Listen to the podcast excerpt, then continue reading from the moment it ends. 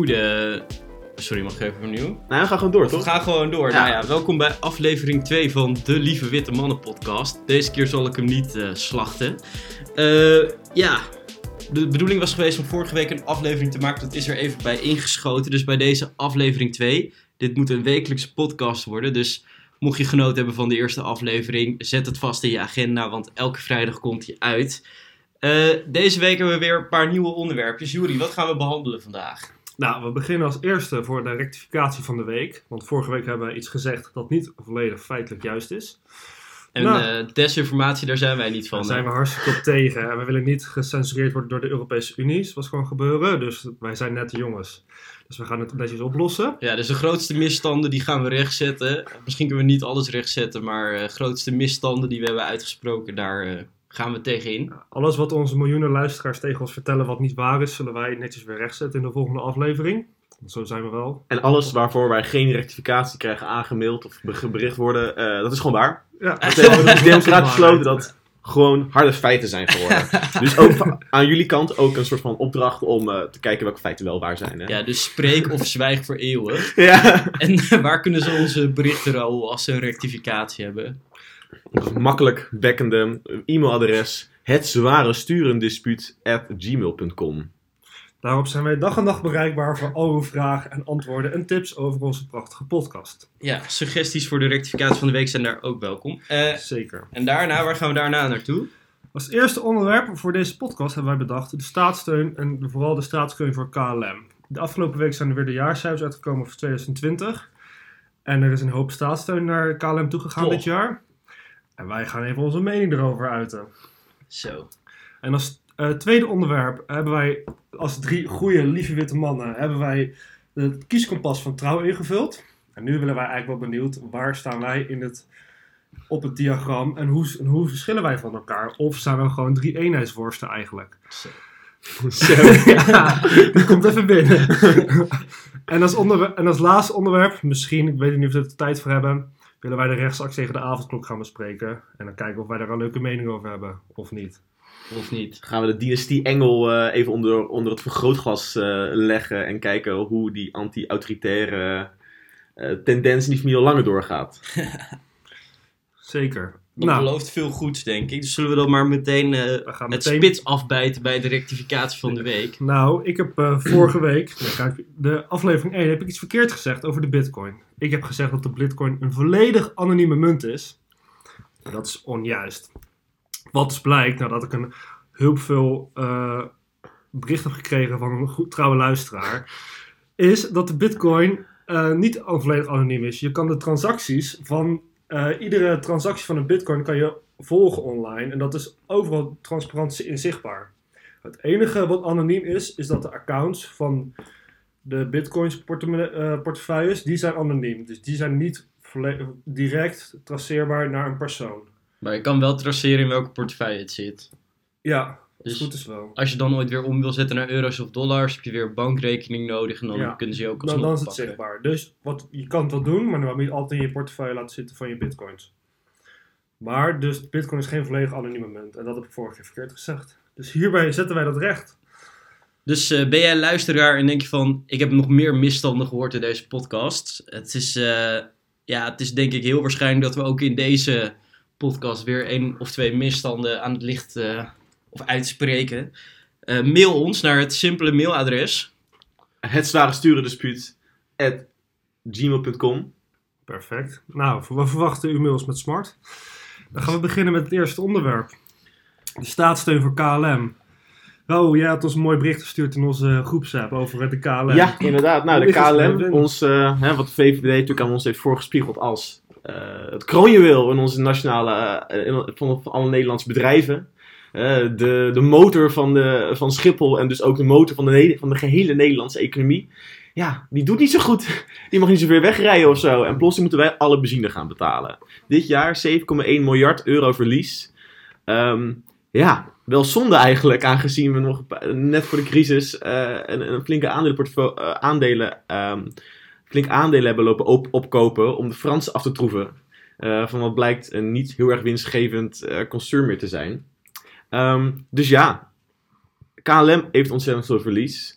Ehm, is dat het waard? Blijft, blijft het bedrijf nog nou eh, zo nuttig? Of in ieder geval, gaat het nog genoeg opleveren in de toekomst? Om daadwerkelijk al deze staatssteun waard te blijven zijn? Kunnen we niet, zoals, hè, is, eigenlijk niet, is dit niet het moment om eigenlijk KLM te laten gaan? Of eh, nou ja, op te heffen. En misschien laat die naam, als je die naam toch wel gaat gebruiken, een keer een andere, andere NV te stoppen. Eh, België, eh, het land dat ook niet per se eh, onderaan de economie, eh, de economieranglijsten van de wereld staat, heeft ook geen nationale luchtvaartmaatschappij. Ja. En Brussel Airport is ook geen verlaten, verlaten eh, grasveld geworden. Dus eigenlijk wat je daar aansnijdt is, hebben we KLM daadwerkelijk nodig om, een, eh, om Schiphol een belangrijke luchthaven te laten zijn en Nederland interessant te maken voor Ja. onder andere... En vooral voor het bedrag dat we er nu aan moeten gaan uitgeven. hè, 7 7,1 miljard alleen al voor de verliezen van dit jaar. Ja, als die staatssteun moeten gaan dat ontvangen. is niet helemaal waar, want dat, die Nou. zeven, dat verlies dat komt van de hele groep. Ah, oké. En eh, het gaat over Air France KLM. De Fransen zitten er al wat dieper in dan wij. Die hebben er 7,3 miljard al in gegooid. En wij hebben een voorziening opgetuigd voor KLM. En daarvan hebben ze, nul, hebben ze eh, 900 miljoen opgenomen. Maar die voorziening die gaat op 3,5 miljard. Ehm, KLM presteerde over het algemeen wel beter binnen de groep. Maar Air France KLM heeft wel een negatief eigen vermogen van 5,4 miljard. Dus als je er nu zou, mee zou stoppen, met allebei, dan zou je nog steeds 5,4 miljard moeten aftikken, waarschijnlijk. Ehm, ja, dat is een beetje de staat van KLM. En dan ook een beetje context om te geven. De luchtvaartindustrie is een hele moeilijke branche. Met heel veel concurrentie. Eh, en zo kwam het ook dat Richard Branson ooit de, de gouden quote eh uitte. If you want to be a millionaire, start with a billion dollars and launch a new airline. Luchtvaartmaatschappijen, dat is gewoon één groot drama investeringstechnisch. De marges staan altijd onder druk. Er is altijd gedoe met wet en regelgeving. Ehm, en ja, door die concurrentie is het gewoon veel moeilijker om echt winst te maken. Ja, er is hele scherpe concurrentie op de, op de luchtvaartmarkt. Zeker door de, midden, de, de uit het Midden-Oosten, die natuurlijk ook heel veel staatssteun krijgen van de olierijke landen.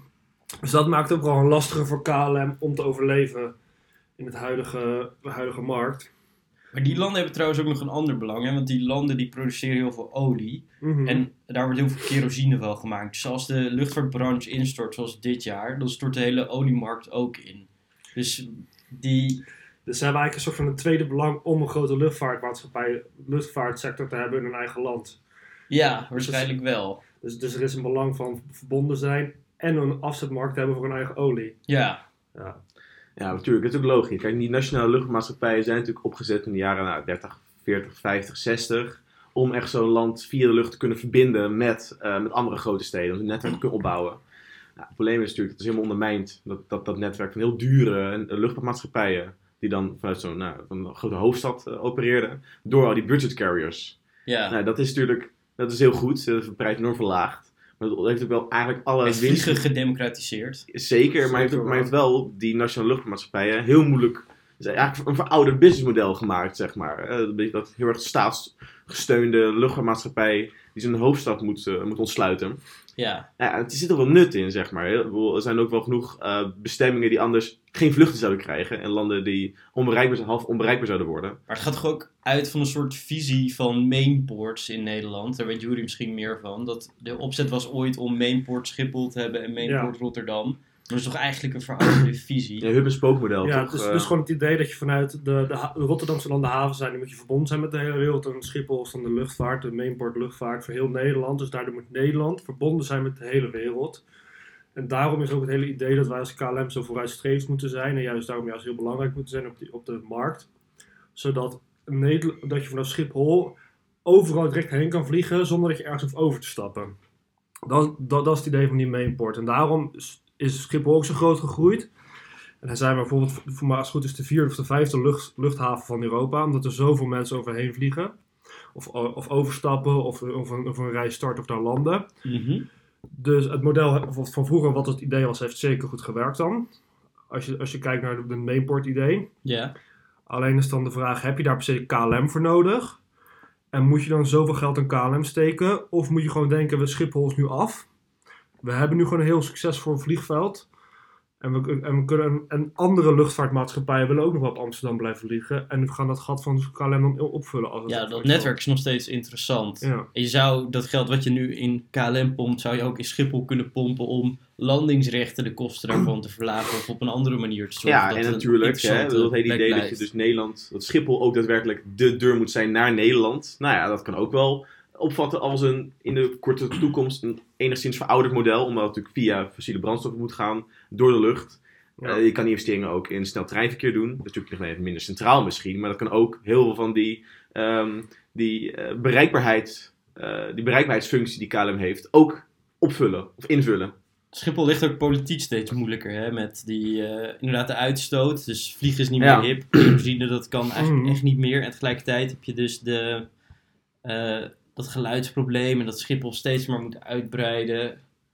Het, ja, dat is inderdaad wel een goed, goed punt. Dat je je af moet vragen van, is het überhaupt wel wenselijk dat de KLM zo'n prominente rol heeft om Schiphol te ondersteunen? En uiteindelijk zorgt ook zo'n grote ehm, investering van de overheid in, nou ja, in die luchtvaartindustrie eh, ook voor eh, nou ja, een soort perverse prikkel, ook bij de overheid zelf, om niet hun eigen investering te ondermijnen. Dus die, die, die, die luchtvaartmarkt die kan niet al te kritisch benaderd worden, die winsten mogen niet te veel gedrukt worden. Dan gaat het uiteindelijk ook gewoon direct op, het, op, eh, op de balans van de overheid zelf terechtkomen. In een slecht werkende eh, KLM, als we er heel erg veel... eh, als we, diep in, als we er heel erg diep in gaan zitten in ieder geval. Maar KLM komt op deze manier sowieso op de Nederlandse balans terecht. Want Ja. met dat negatieve eigen vermogen kunnen ze meer leningen aantrekken, maar dat gaat het probleem niet oplossen. En de, ze zijn al in gesprek om een aantal van die leningen te converteren naar aandelen, zodat dus straks de Nederlandse en de Franse overheid nog verder aandeelhouder worden. Dus het wordt gewoon straks een staatsbedrijf. En Jort Kelder zei al tegen die eh, Stanley Elbers eh, uit mijn hoofd, die topman, eh, voorman, ja. die Nederlandse topman eh, bij eh, op één. Bent u niet eigenlijk de duurst betaalde ambtenaar in Nederland? Ja, En die, die kant gaat hij op als het zo doorgaat. Ja, dat is zeker waar. Maar moeten we dan niet uit het idee van het hele privatiseren van KLM, wat we natuurlijk in de jaren 90 hebben gedaan, dat eigenlijk nu een soort van het laatste zetje ze- geven. En zeggen tegen KLM, nu moet je je eigen broek ophalen. En je bent nu een volledig volwassen bedrijf en je moet gewoon even zelf regelen in deze markt. ja. En jullie kunnen het zelf hartstikke goed en niet de hele tijd aan het lijntje moeten Ja. houden. Met onze geld gaan trouwens open blijven draaien als een Nederlandse staat. Ik vind het bijzonder. Ik denk ook veel van die argumentatie die gebruikt is, vooral toen twee jaar geleden, anderhalf jaar geleden, toen die grote Nederland veel van die aandelen heeft overgekocht. In, re- in reactie op die Franse aandelen, eh, aandelenkoop. Het een heel emotioneel verhaal is geworden over Nederlandse trots en over oh, eh, dat het leuk is dat je altijd een blauw vliegveld, eh, vliegtuig ziet als je in het buitenland bent. Ja. Ja, dat is ook geen argumentatie, zeg maar. Dat is ook gewoon een beetje. Staat economisch niet heel sterk. Ja, dat het is ook gewoon een beetje een, een, een om over je droge aardappelen heen te gooien, zeg maar. Die verrot zijn en die, die eigenlijk niet goed gekookt zijn überhaupt. Ja, dat, dat, is, dat, dat, is- werkt gewoon niet zo goed. Ik bedoel, ehm, ja, uiteindelijk gaan er gewoon heel veel belangen in mee. Hè. Vooral natuurlijk anderhalf jaar geleden heeft er natuurlijk heel erg, heel erg lang eh, dat investeringsklimaat-argument heel erg eh, eh, ondersteund. Met ook de dividendsbelasting die natuurlijk omlaag moest voor die grote bedrijven om in Nederland te blijven. Ja, het argument ook steeds minder sterk. Uiteindelijk is het natuurlijk ook ehm, een beetje, ja, eh, het, is, ook geen vrije markt natuurlijk. Ik denk Nee. dat, Krijn dat, dat je dit geheel kan beamen. Ja, het zorgt ook dat ook, en het, het zorgt ook echt voor scheve ogen Ja. naar die andere ondernemers die wel steun krijgen via de NOE-regeling. Ik heb die nummers er ook even een beetje bijgepakt. Dat, eh, dat is 13 miljard in het totaal tot nu toe. Of dat was, meen ik, getal van. Volgens mij was dat voor februari, de 13 miljard. Wat er dus ingestopt is voor MKB'ers. Maar MKB'ers claimden in ieder geval in 2018 nog dat ze verantwoordelijk zijn voor 71% van de werkgelegenheid. Dus als je kijkt naar hoeveel mensen er werken bij KLM, ik denk dat KLM in zijn eentje niet 10% werkgelegenheid eh, of iets Nee, zeker niet. eh, voor zijn konto neemt. Dus het is ook gewoon heel discutabel of je dan zoveel geld moet eh, stoppen in een maatschappij, in een moeilijke markt, die wellicht helemaal niet noodzakelijk is voor Nederland in de toekomst. Ja, maar het ding is, economisch zijn er niet heel veel argumenten waarom je KLM zo vaak moet redden en met zulke hoge bedragen. Maar het is vooral een heel emotioneel en in een imago geworden van KLM. Onze blauwe trots, onze mooie vliegvaartmaatschappij, onze koninklijke maatschappij die wij al zo lang hebben, die moeten wij redden. Die moeten wij zorgen dat die de volgende eeuw kan doorhalen. En daar is een heel sentiment omheen, omheen gecreëerd. En dat, daar hebben wij nog steeds last van. En daarom moeten wij nu ook zoveel geld erin steken. Omdat we eenmaal eraan zijn begonnen. we zijn eenmaal aandeelhouder geworden. En de laatste of twee jaar geleden hebben we weer heel veel geld ingestoken om verder aandeel, meer aandelen te krijgen. Dus als KLM nu failliet gaat, dan zijn wij zelf ook de pineut. Dus we zitten een soort van een Ja. vicieuze cirkel omlaag.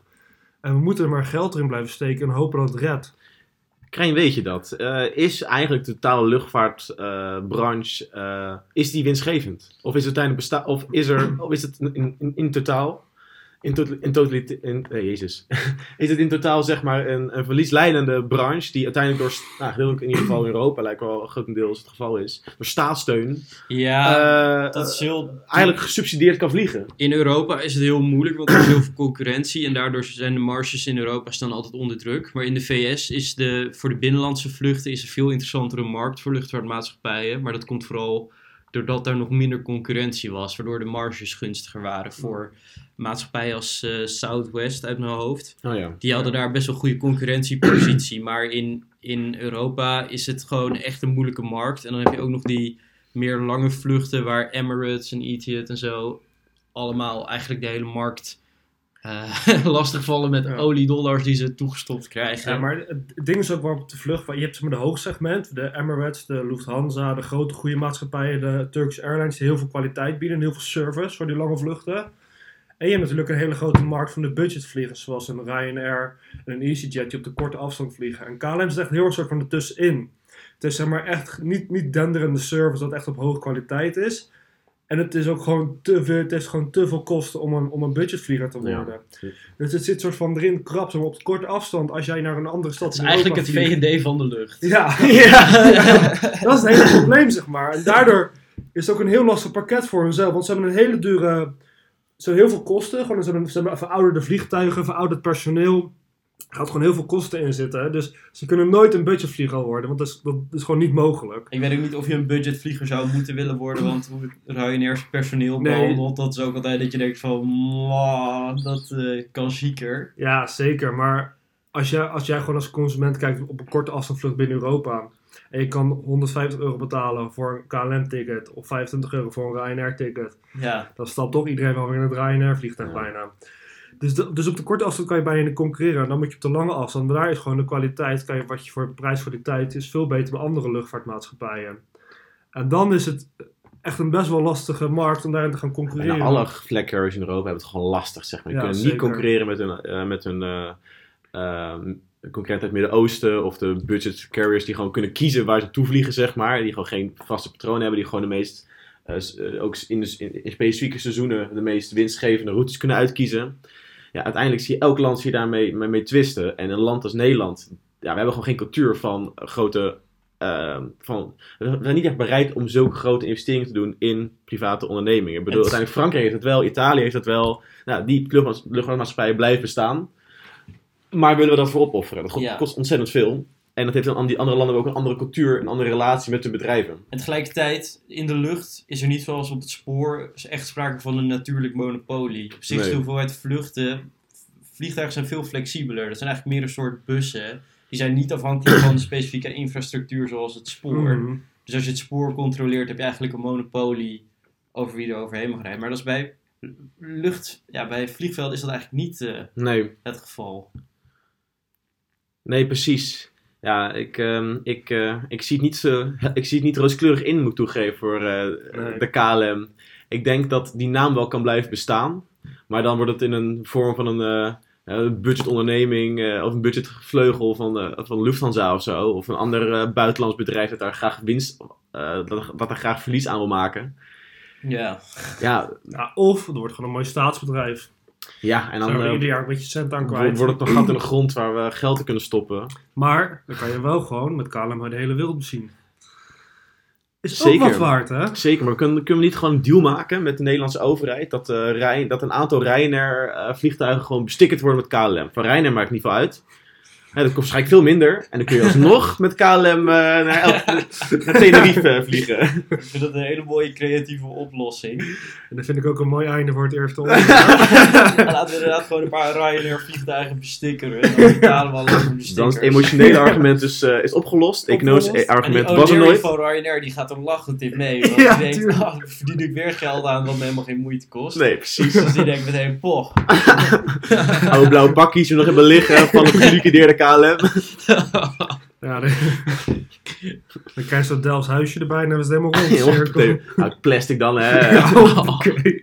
Moet je hem nog kopen ook? 50 euro. Ja, dat is toch wel een goed verdienmodelletje voor Ryanair. Opgelost, jongens. Nou, lost die, dat, beleids, eh, dat, dat beleidsvraagstuk hebben we ook weer eh, strikt, Getackled. strikt eromheen. eh. Zou daarna. ook vooral zijn geld verdienen met de catering op de vlucht in plaats van met de vliegtickets? Dat Ja, vraag dat, ik me dat is altijd waar.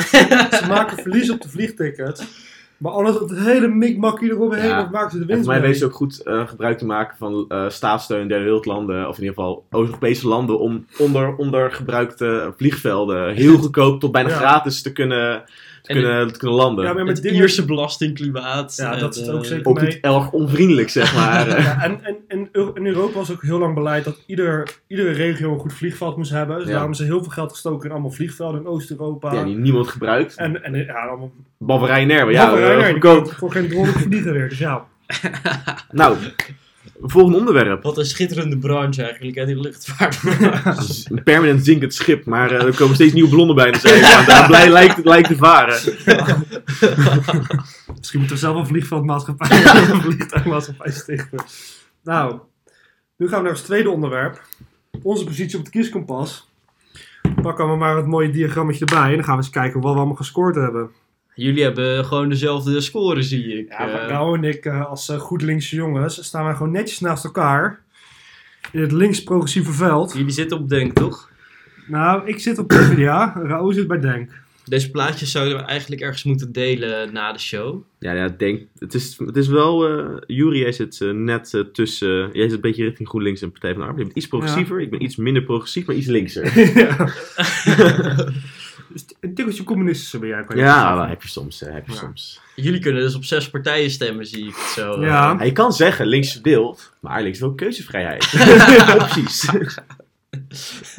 nuance in gedachteproces. Hè? eh, Radicaal rechts in Nederland was, had, had gewoon geen nuance, zeg maar, discussie. Nu is het niet verdeeld, nu heeft het gewoon nuance. Dat is net als in de supermarkt, hè? Het A-merk, het B-merk en het C-merk worden allemaal in dezelfde fabriek gemaakt. er scheelt misschien één ingrediënt, maar het ligt allemaal onder elkaar. Zeker. Dus als je En, eh, chic wil doen, kan je PvdA stemmen. Als je voor je imago wil stemmen, stem je GroenLinks. En als je...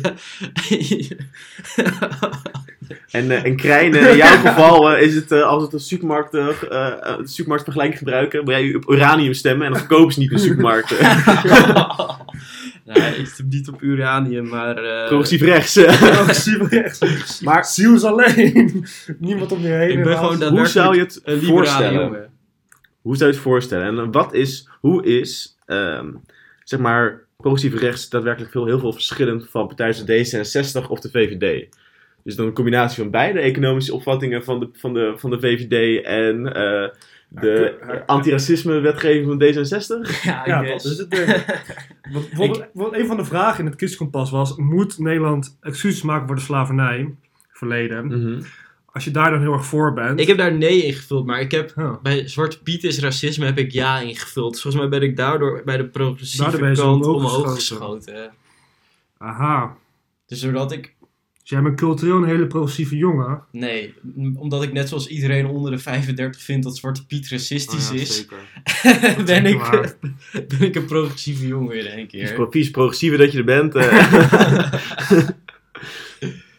Ja. Maar dan economisch toch v- vrij eh, rechts weer. eh, is een echte liberaal. ja, ik ben gewoon voor individuele vrijheid en ik heb ergens ge... Er was een vraag, want al die vragen zijn natuurlijk ook heel sturend. Mm, was eh, dat, Ja. Dat het minimumloon of dat werken altijd meer op zou moeten leveren dan de bijstand of zo. Toen heb ik ja gekozen, omdat ik gewoon vind dat in dat ik, ik vind werken nobeler dan de bijstand, dus dat zou Ja, ik ook heb hetzelfde moeten... ingevuld. Ik heb wel ook gehad dat, dat, dat zeg maar, de AW mogen wel groeien met het minimum Eh, met minimumloon bedoel ik. Mhm. Eh, maar inderdaad, ja, moet ook- uiteindelijk moet er natuurlijk geen eh, ehm, Maar, armoedeval zijn. Dat je, als je iemand AOW zit, er geen enkele prikkel meer om te gaan werken. Dat Ja, je precies, economie dat niet goed voor het niet individu. bent. Maar, maar het, het ding was, het, het, het was, het gaat om de koppeling. Want er zit altijd al gehad tussen het minimumloon en de hoogte van de bijstand. Er zit altijd wel gehad tussen. Maar het gaat om de koppeling. Want het, als het goed is, gaat het minimumloon eindelijk een keer verhoogd worden. Alleen, een aantal partijen willen dan zeg maar niks verhogen van de, van de bijstand en de AOW. Want Ja. als het minimumloon verhoogt, gaat ook de prijs natuurlijk omhoog. Want produceren wordt gewoon duurder, want je hebt hogere personeelskosten, dus prijzen gaan omhoog. Maar het idee is dan, als je, als je, het niet kop, als je de koppeling loslaat en je houdt gewoon dat bijstand op hetzelfde niveau, dan wordt voor de bijstand gaat relatief heel erg achteruit. Maar een aantal GroenLinks, GroenLinks en zo, PvdA, die willen juist wel die koppeling, zodat het soort van meestijgt, maar dat het gat even groot blijft. Dat, soort- dat, dat soort van de relatief er geen heel groot verschil is als je in de bijstand zit dan als je in de. Als je Nee, in joh, de die mensen echt tot echt, nog extra mensen die erbij zijn zitten, is echt, echt geen vetpot, zeg maar. Je hoeft niet, je hoeft niet nog verder tot daadwerkelijk armoede laten vervallen. Nee. En misschien kan je ook wel wat voorwaardelijkheid weghalen. Want dat die mensen vier keer per maand solliciteren of zo, dat is ook echt gewoon een wassen neus. ja, uiteindelijk is er ook een groter, eh, heel veel van die, eh, een groot onderdeel van eh, de wer of werken, of in ieder geval de, van de bevolking, die heeft ook gewoon weinig skills meer, zeg maar, die heel erg interessant zijn. Of in ieder geval die kunnen concurreren met eh, een AOW qua inkomen. Ja, de werkloosheid is dan, je kan dat wel zeggen, maar de werkloosheid is tegelijkertijd niet bizar hoog. Nee, precies. Dus-. Het, natuurlijk werk, het is ook een beetje een natuurlijke werkloosheid. Een deel van de bevolking dat altijd Ja, nou, een grotere afstand houdt of eh gekleind is. En het betekent niet dat er een situatie bestaat dat mensen echt tot armoede vervallen. Dat is een Amerikaanse situatie. Uiteindelijk is het alweer ook een soort... eh, Dit is gewoon een vangnet voor als je, ja, als je in economisch slechtere tijden je baan verliest, dan kan je gewoon terugvallen op het en vangnet. ook een bevolking dat bijna standaard in, in AOW zit. Dus ook een soort... eh, ja, een, een, een regeling tot een, tot, een, eh, tot een stabiele samenleving. Als je mensen echt tot pure armoede vervallen en geen hulp kunnen krijgen, dan krijg je uiteindelijk ook eh, dakloosheid en een, een, een verhoging van criminaliteit. En Dus een, en, een negatieve ontwikkeling ook in de sfeer binnen de samenleving. is ook niet leuk wonen. Ja. Even terug naar het schema. Vonden jullie niet dat er een paar partijen op rare plekken staan? Want het is dus een, eh, een assenstelsel met een as van... eh, op de y-as heb je progressief en conservatief. En op de x-as heb je links-rechts. Links-rechts is denk ik vooral economisch. Al Ja. gaat het ook een beetje over militair. Ik denk dat ze dat ook een beetje Ja, bij links-rechts getrokken ja, hebben. ja, justitie en veiligheid gaat er ook een beetje over. En over defensie, Ik uitgaven. heb sowieso dat je eigenlijk bijna 50 assen zou kunnen verzinnen. En Ja. dat is een ontzettende eh, versimpeling. Maar het is eigenlijk het is al een verdubbeling van de nuance die heel veel mensen eh, het al eh, Ja, Ja, het is zeker. al 100% Onderhouden. dan links-rechts. Links-rechts. Links is stom en rechts is goed. Ja. Zo kan het ook natuurlijk. Ja, dat Maar- eh, Ondanks dat er een soort van nuance is gekomen, is het ook wel weer versimpeld. Want ze zijn gewoon nou met twee vakken ingevuld. Je hebt links progressief en rechts conservatief. Dat is het enige wat ingevuld is. Nou ja, de PVV is dan links, links conservatief, maar daar Ja. zou je de SP volgens mij ook wel in kunnen scharen. 50 plus is dat overigens ook. Ja, maar ik denk ook aan een goede. Ik denk dat ook wel een goede, ehm, nou, meer populistisch, eh, een populistische as gemaakt kan worden. Bedoel, sommige partijen zijn relatief stabiel in de opvatting, hebben ook wetenschappelijke bureaus en zo. En andere, zoals, zoals de PVV en ook 50 plus. Het is natuurlijk vooral een, re- een re- ja, een reactiepartij die kijken wat mensen leuk vinden om te horen en die zeggen dat. Ja, dat is natuurlijk ook dat is een heel ander soort partij. Die kunnen, ja, die kunnen veranderen per moment. Eh, en beleid is ook zo vaak geen, vaak geen touw vast te knopen. En het is Ja, niet eh, erg zich en weinig, ehm, weinig, weinig te doorgronden. Ja, als stelsel. Ja, ik vind en- het ook zo mooi dat eh Denk Europees, echt gewoon een franchise van de PvdA is. ja. Ja, Het is gewoon, gewoon een dochteronderneming van de PvdA. ja, eigenlijk. het is een spin-off. Ja, spin-off. het is, Eh, het is, het is, het is het ASML van Philips, het is eigenlijk. de etnische spin-off. eh. ja, maar ja, het, is- het is gewoon een heel identiteitspa- Maar- identiteitspartij met, hetzelfde, met eigenlijk dezelfde achterban. Maar het is toch ook logisch als, als, als, als, als, twee, als, als twee of drie van je oprichtings, oprichters afstemmen van de gelijkheid van die partij. Ja, maar gelijk die standpunten. Uiteindelijk heel veel een achterban. Er was eigenlijk heel lang een, een, een trouwe Partij van de Arbeid. Achterban, zeg maar. En dezelfde taal, eh, die staat er nog steeds aan. Dezelfde, veel van hetzelfde beleid. Eh, alleen daarvan weten ze dachten zich te kunnen profileren. Dat is gewoon heel machtspolitiek slim gedaan. Ze botsen wel vaak in de Kamer, heb ik het idee. De PvdA Ja, maar dat is, en... eh, dat is eh, natuurlijk om, om wat bij alle economische dingen en ook defensie en zo en, en privacy, dat is, dat is eigenlijk liggen, liggen die partijen ontzettend bij elkaar. Maar de Partij van de Arbeid heeft natuurlijk heel lastig gehad met dat immigratie- en integratiedebat. Omdat namelijk veel van een klassieke achterban ook naar de PVV is geschoven. De oude arbeidsachterban. We zitten een beetje in een spagaat, zeg maar. Ik bedoel, eh, iedereen, heel, bijna heel veel achterban is wel voor hun economische be- geluid. Maar hun integratie eh, en culturele eh, verhaal, zeg maar. Ja, dat, dat, dat zit in een split, zeg maar. Gedeeltelijke mensen van, non van migratieachtergrond, die dat graag eh, heel progressief zien. En een deel heel cultureel conservatieve mensen, Ja, dus die partij is eigenlijk heel... Ik vind het best apart dat hij op de progressieve as zit. Nou, omdat hun beleid, wat is, vrij progressief is. Maar het, het, het, het electoraat wat ze zouden willen aanspreken, is juist heel verdeeld. Ja, en de En SP de is- hoofd van het electoraat is daardoor ook naar de PVV geschoven. Die, die Ja. is hem ook economisch daardoor vrij links misschien op, deze, op, op, op, op, op dit Nou, in eh, het echt wel.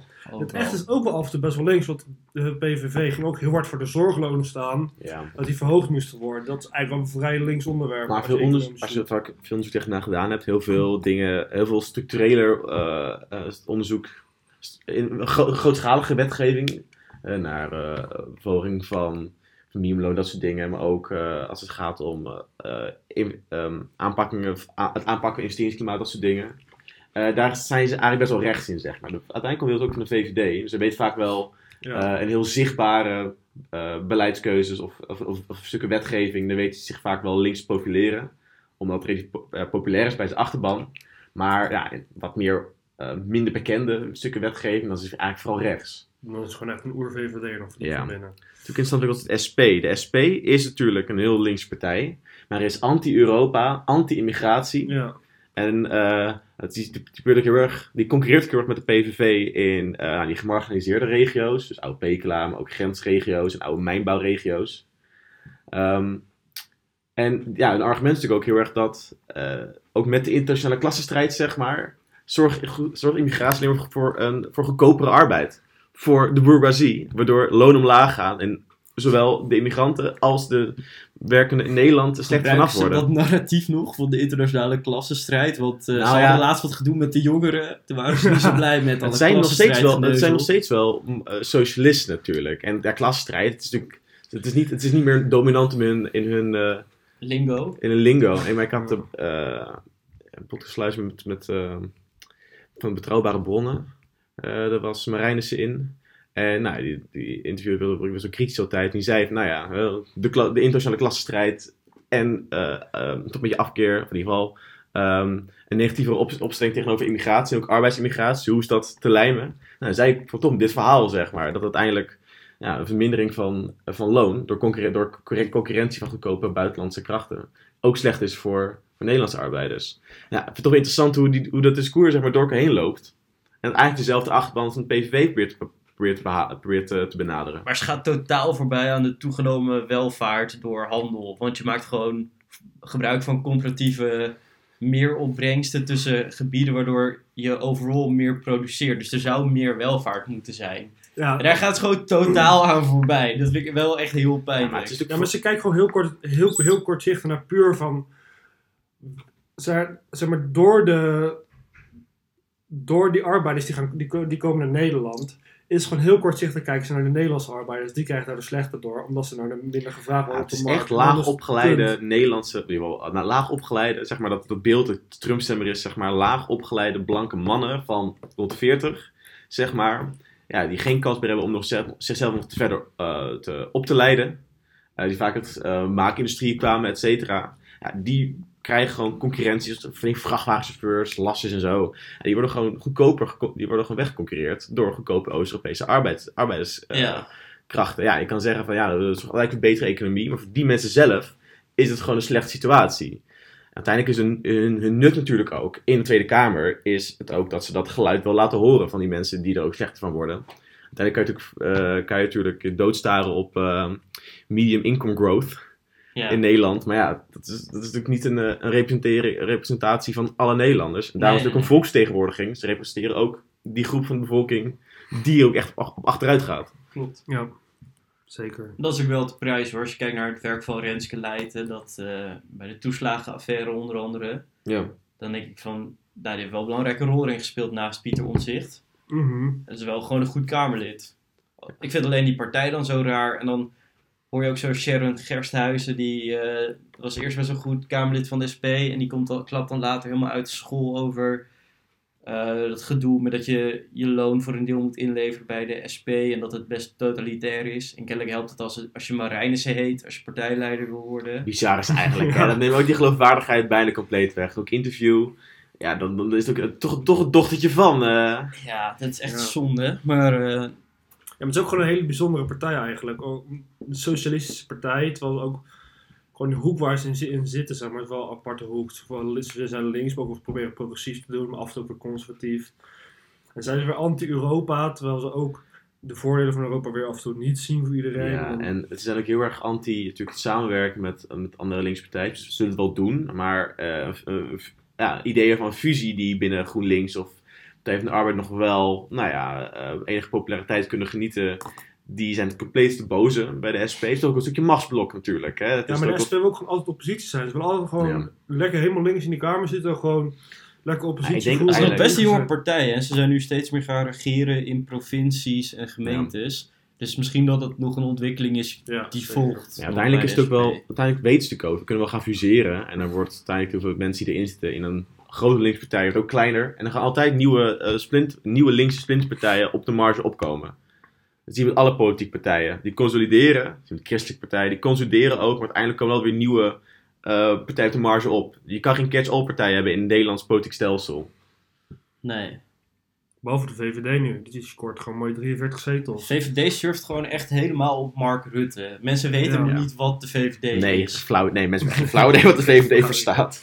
Mark Rutte heeft ook een heel goede eh, ma- manier van, eh, van reageren en, en, en, en zeg maar op, ehm, op eh, ontwikkelingen inspelen. Hij gaat eerst hè, bijvoorbeeld met, ehm, dan heb je bijvoorbeeld het politiegeweld gehad en dan zegt hij, ja, ik wil het liefst helemaal in elkaar slaan. Ja. En dan komt hij op terug en dan geeft hij, dan geeft hij een uitspraak wat hij gaat doen en luistert niet meer, en luistert niet meer naar. Nee. De helft van zijn, van zijn stemmers maakt geen reet uit wat, wat voor de rest die kerel aan hun vertelt. Het is Maar hij, gewoon... maar hij laat ook alles van zich afglijden. Alle problemen laat hij zo van zich Teflon Mark. afglijden. Teflon Mark, ja. Maar het mooie is, tussen Mark en een probleem is altijd een ander persoon. ja. dat zie je nu ook weer met de toeslagenaffaire. Als, er- als er een oplossing moet komen, dan wordt nooit Mark naar buiten gestuurd naar de pers. Altijd is er zo'n staatssecretaris die mag oplossen. Die gaat Van Huffelen. Van Huffelen mocht toen in één keer buiten gaan staan in de regen om het, om het, om het nieuws te gaan vertellen. Ja, Van Huffelen was ik helemaal niet betrokken bij al die andere dingen. Nee. En die wordt dan... Wordt het, hop een half jaar geleden ingevlogen. En Zo die van, nu mag jij het oplossen. Ik, ik, brand mijn handen daar niet aan. Maar die Van Huffelen, die, die Ja. nog wel knopen door. En ik heb het gevoel dat dat nog wel eens positief kan afstralen op haar, zeg maar. Ja, Nou Maar ja, voor wie? misschien Binnen de partij zelf, maar e- Binnen de eh, partij, maar- electoraat luistert niet meer naar. Ze ziet ook ze heeft een beetje aparte uitstraling. ze, ze heeft... Ja, ik weet niet. Maar wel heel veel respect voor wat ze tot nu toe aan ja, het doen zeker. is. Ze doet wel heel goed te werk. Maar de mensen van dat is het hele systeem voor regeren, zeg maar. Altijd gewoon iemand tussen. Iemand mag het oplossen. Ja. Iemand is gewoon de kreukelzone van Mark Rutte. Ja, En eerlijkheid duurt altijd. En eerlijkheid zeggen dat het duurt langs, maar het duurt gewoon hartstikke kort. Want eh de Partij van de Arbeid, sympathiek idee. Hè? Als je zegt, ja, ik was natuurlijk vice, vice-premier en ook minister van. Eh, dus is neem verantwoordelijkheid, ook dat beleid, prima. Eh, en nu is iedereen, Partij van de Arbeid heeft hoogpersoonlijk een toeslagenaffaire veroorzaakt. Maar Rutte niet hoor. dat is ook gewoon het verschil tussen PvdA-stemmers en VVD-stemmers. PvdA-stemmers rekenen het als je er gewoon veel meer aan dan VVD-stemmers Mark Ja, Rutte. Maar de VVD-stemmers hebben ook helemaal geen last gehad van die toeslagenaffaire. VVD is wel echt een bredere partij geworden hoor, waar ook meer mensen met een lager inkomen op zijn gaan stemmen, doordat ze misschien ook iets populistischer geworden zijn.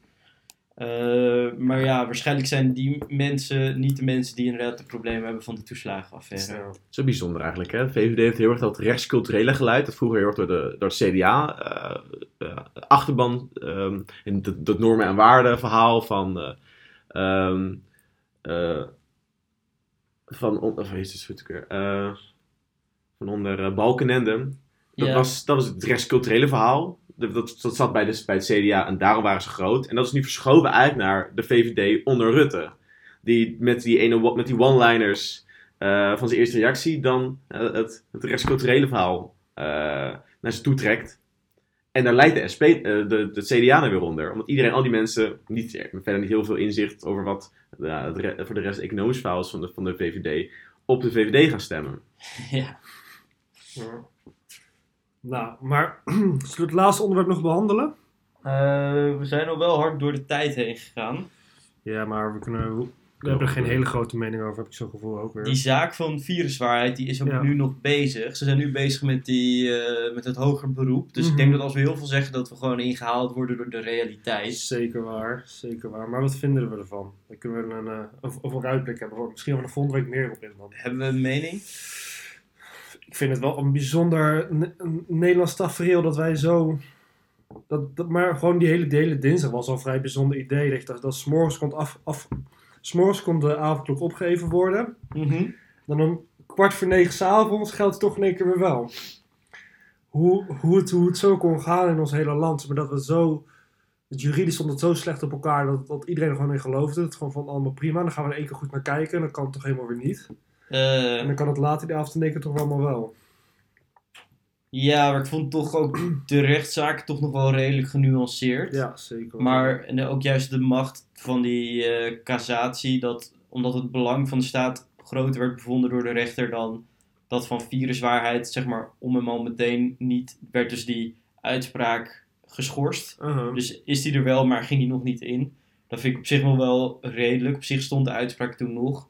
Maar het was wel raar dat het op het laatste moment gebeurde en dat er geen inhoudelijke behandeling zou zijn eh, van de impact van de avondklok op besmettingen. En dat toen vervolgens Jaap van Dissel werd opgetrommeld en dat wel aan de hand was. Ja. Dus het is een, het is een hele, een hele bi- bizarre rechtspraak eigenlijk. Dat vooral de procedure is misschien Zeker. een beetje Ja, het komt gewoon heel twijfelachtig. chaotisch over natuurlijk. Maar op zich, het is, het, eh, op een bepaalde manier is het er ook wel...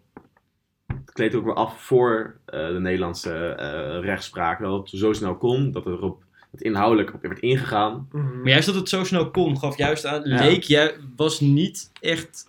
eh, leek er, dat gaf een beetje de indruk bij vooral mensen die aan de kant van viruswaarheid. dat de, gerecht, dat de rechtelijke macht aan de kant staat van de staat. Ja. Terwijl, ja, ik heb dat vertrouwen nog wel in de rechtsstaat. Ik denk dat die procedure bij de rechters wel goed is gegaan. Maar inderdaad, bij de Tweede Kamer, die misschien hebben ze de verkeerde procedure gebruikt om die wet door te voeren. Dat is het verhaal dat, dat is geweest. dat verhaal, ja. Ja. Nou was er die avond een hele goede aflevering van Op 1. Op 1 heeft bijna nooit zulke goede afleveringen. Maar deze was echt heel goed. Want onder andere zaten Kees van der Steider. Die is niet alleen voorman van de SGP, maar ook staatsrechtgeleerde. Dus die had wel een leuk zegje over de procedure en waarom het eigenlijk door de Eerste en Tweede Kamer had gemoeten. Maar er zat ook een eh, Jan Brouwer, hoogleraar van de, de Rijksuniversiteit Groningen. Die wist heel veel over dit recht. En die gaf aan dat de rechter op vrijdag of ehm, op dinsdagochtend waarschijnlijk zijn boekje te buiten is gegaan, vond hij. En dat die de zaak verkeerd had gewegen. Maar tegelijkertijd zaten ook Willem Engel en Ab Osterhaus aan tafel. En de, de jurist Jeroen Pols van eh Viruswaarheid. Dus het was een hele volle uitzending, maar er was best een constructief gesprek. Eh, Willem Engel en Ab Osterhaus konden niet echt clashen, want Willem Engel werd echt heel kort gehouden door Thijs van de Brink. Misschien een beetje te kort.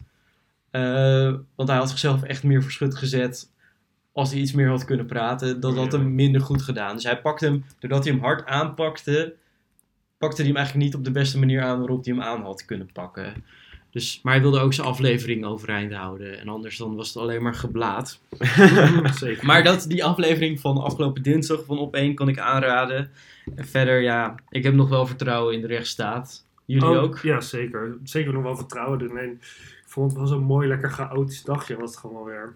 Ja. Zeg maar, en ook hoe snel het dan gaat in de media. Zeg maar, overdag was er overal chaos. Iedereen wil alles weer regelen. De supermarkten wouden, gingen mensen optrommelen omdat ze tot laat open zouden blijven. Hebben de supermarkten dat echt gedaan? Er waren een aantal supermarkten die gingen extra diensten inplannen, zeg maar, zodat ze die dinsdagavond langer open konden blijven. En er waren allemaal hele rare dingen. Het ging zo chaotisch heen en weer, maar het was wel... Uiteindelijk was het, het loopt wel weer goed af waarschijnlijk. Ja. Maar het is wel gewoon bijzonder hoe, hoe dat zo in deze, deze heftige tijd toch wel weer zo kan gaan. Dat je gewoon een rechtszaak kan aanspannen en dan toch nog gelijk kan krijgen eigenlijk. Dat dat het gewoon fout is gegaan in de Tweede Kamer. Ja, ja, ik vind het wel sterk dat die rechter toch viruswaarheid nog gelijk heeft gegeven. Net als in die Ja. eerdere zaak van hun over de verplichte PCR-test om Nederland weer in te komen. Dan heb ik toch weer een soort van vertrouwen erin dat ik denk van, nou, procedures worden tenminste nog getoetst. En eh, dat vind ik een heel geruststellend idee. Ja, dat is wel heel fijn. Ja, Ja, maar ja, ik vind het ook wel vast ook weer interessant. En ook met hoe die snel al die branches erop direct op ingaan, zeg maar. En hun eisen gaan stellen. Ik had eh, de, goed, de podcast van de Grondse Dammer met een eh, wetenschapsjournalist Job de Vrieze gezien. Mhm. Het beluisterd. En nou, die heeft, dat, die heeft heel, heel erg gevolgd. En die beschrijft ook heel erg ehm, dat die rol van de media zo ontzettend groot is. Ook, ook in hoe snel iedereen zijn zin wil krijgen. Dus, er gebeurt iets in alle grote instanties. De zorg, eh, de zorg, het MKB Nederland. Iedereen springt erop en die weet, als ik in een talkshow komt, dan komt er waarschijnlijk ook wat, eh, wordt waarschijnlijk ook in de politiek wat gedaan. Ja, maar er is ook nu weer momentum om zeg maar mensen eh, Ja, aan te sporen om weer voor versoepeling op te komen. het overheidsbeleid En is nu- natuurlijk al vaag als een malle. Hè? Oma had natuurlijk zelf toen dat hele, die, dat hele systeem gemaakt. Hè? Met de, als deze n-waarde is, dan is het Ja. dit beleid. Deze n-waarde, dit Dus beleid. De, de, de, de hele routekaart met heel veel plannen. is direct het raam uitgegaan. Dezelfde Ja. avond volgens mij nog was er alweer een andere, is er alweer andere wetgeving ingevoerd, een ander, ander eh, voorschrift. Ja, en dat maakt het ook gewoon ontzettend. Ja, omdat, die, omdat, omdat geen duidelijke lijn is, begrijpelijk, want de omge- omstandigheden zijn ook elke keer anders. Ja, eh, is, er is het ook nuttig om eh, hard, in, hard, in te proberen te spelen op drama, omdat je weet, ja, de regering is toch een beetje aan, aan het kloten. Eh, en outbreak management team, dat reageert op impulsen en op prikkels. Ja, dan kan je, de, als je daar gewoon even anders tegenaan trapt, dan kan je ook andere beleidsmaatregelen voor elkaar boksen. En dat is eigenlijk wel kwalijk, vind ik dat. Dat is toch zonde? En dat is ook wel logisch, maar het zorgt uiteindelijk voor onduidelijkheid, zorgt voor dit soort, eh, nou ja, dit, Wat dit is er dan het meest kwalijk? Dat het alles op momentum en media-aandacht drijft? Ja, nou, het ding is, ik denk niet dat het media-aandacht het probleem is. Het is gewoon onduidelijkheid van het overheidsbeleid. En dat ze dus niet aan die, aan die, aan die, aan die roadmap zich hebben gehouden. Aan ja, hun eigen, eigen plannen. Waardoor het zo ontzettend veranderlijk is elke keer. Maar dat is ook soort van het gebrek aan visie bij Mark Rutte, waar hij ook geen enkel aan heeft natuurlijk. Ja, Mark Rutte heeft geen visie, hè? Ja, dat heeft geen visie, maar dat straalt nu ook wel weer een beetje uit. Als er iets voor de middellange termijn gepland moet worden, dan komt er helemaal niks uitzetten bij die jongen. Hij reageert alleen maar. hij reageert alleen maar. Er is, er is niet, hij, hij stelt geen stip op de horizon van als we het zo gaan doen, dan gaan we het zo doen. Hij reageert niet, hij reageert. Dat is ook een beetje zonde. Dat creëert ook gewoon heel veel chaos. En, en, en ja, een soort verzet ook.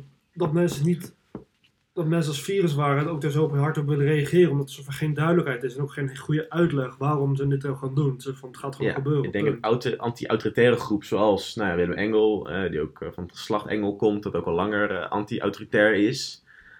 Met zijn vader namelijk, Willem Engel, Kees Engel, die heeft, heeft Camping Oranje gehad, wat heel veel gezeik mee geweest is. En daar is hij advocaat ook nog van. Ehm, dus zeg maar, er zijn altijd goed mensen die natuurlijk eh, tegen de overheid aan willen trappen. Maar ze krijgen ook heel veel extra support vanuit de samenleving of mensen die in ieder geval een soort van eh, sympathiek tegenover staan. Omdat er gewoon geen goed perspectief gegeven wordt, zeg maar. En er worden ga- eh, in het beleid zijn gewoon gaten. Ja, en daar wordt, dan op, daar wordt dan op ingespeeld. Nou, Ja. en als, je gaat, als je gaat gewoon minder hebt en er gewoon duidelijk beleid is. Ook lijkt te weten wat je wil doen. Ja, Ja, ik denk dat het ook sterk beleid voert. Uiteindelijk is het ook gewoon geweest. We hebben natuurlijk, eh, de reactie op de polder is niet een, een, strenge, een, een stre- een strenge lijn volgen. Eh, sorry, de reactie op de crisis is niet het eh, creëren van een sterke lijn of een, of een orgaan dat echt beslissingen kan maken. Maar er is het opblazen van de polder die we hebben. Iedereen gaat meeregeren, iedereen mee beslissen. Dat is natuurlijk goed. Maar het zorgt voor een ontzettend veranderlijk beleid. Omdat nou, als de meningen veranderen in, in die polder, dan moet de overheid direct mee, mee veranderen. ja. Ja. Ik vind het wel interessant wat je net zegt, dat viruswaarheid. Het is goed dat ze schieten op die gaten, maar ze weten het schieten op die gaten te combineren met een aantal hele rare meningen. Ja, dat Ja. is een beetje het zonde. Het is echt heel bijzonder dat je, dat je dan 1 op de 10 punten van hun is heel sterk. En dan weten ze dat te combineren met 9 echt vage punten. Maar dat is ook hoe ze zeg maar, dat is ook het hele idee van die all-time pip- pipeline volgens mij. Hè? Het, is, het is een gedeeltelijk een, een, een, sterk, een sterke kritiek op situatie. En uiteindelijk trekt dat je mee in een combinatie. Je hebt een combinatie van een paar goede en een paar heel ware eh, ideeën. Maar ja, omdat je die goede ook accepteert, dan wordt die, wordt die rest ook iets geloofwaardiger. Want blijkbaar ja, zijn ze hierop. Is het, Ja, ze krijgen autoriteit. is, het, is dit blijkbaar iets goeds of zo? Of nou ja, ik zal meer in verder gaan lezen. Als je eenmaal in dat beeldje zit, dan ga je elkaar ook geloven, ga je elkaar Gaan ondersteunen. elkaar napraten. Ja, dat is gevaarlijk. ja. Dat is echt link. Ja. Nou, Krijn, wil jij de outro doen? Want ik denk dat we nu zo klaar zijn met ons derde onderwerp. We hebben het besproken. We gaan afwachten wat de eh, rechtspraak van de uitspraak van de rechter vandaag gaat vertellen aan ons. En dan gaan we hier misschien weer volgende week verder op in. Op onze volgende aflevering. opmerkingen of een, eh, een kandidaat voor de rectificatie van de week, Ja. kan je, waar kan je dat dan naartoe mailen? Het zware sturendispuut at gmail.com. Ook beschikbaar voor eventuele sponsor, eh, sp- sponsoring eh, ideeën. Fucking Worst bijvoorbeeld, hè, alvast aan het zeggen. Kom naar ons toe. We doen een mooi praatje ervoor. En wij, en wij zijn bereid om te luisteren. Zeker.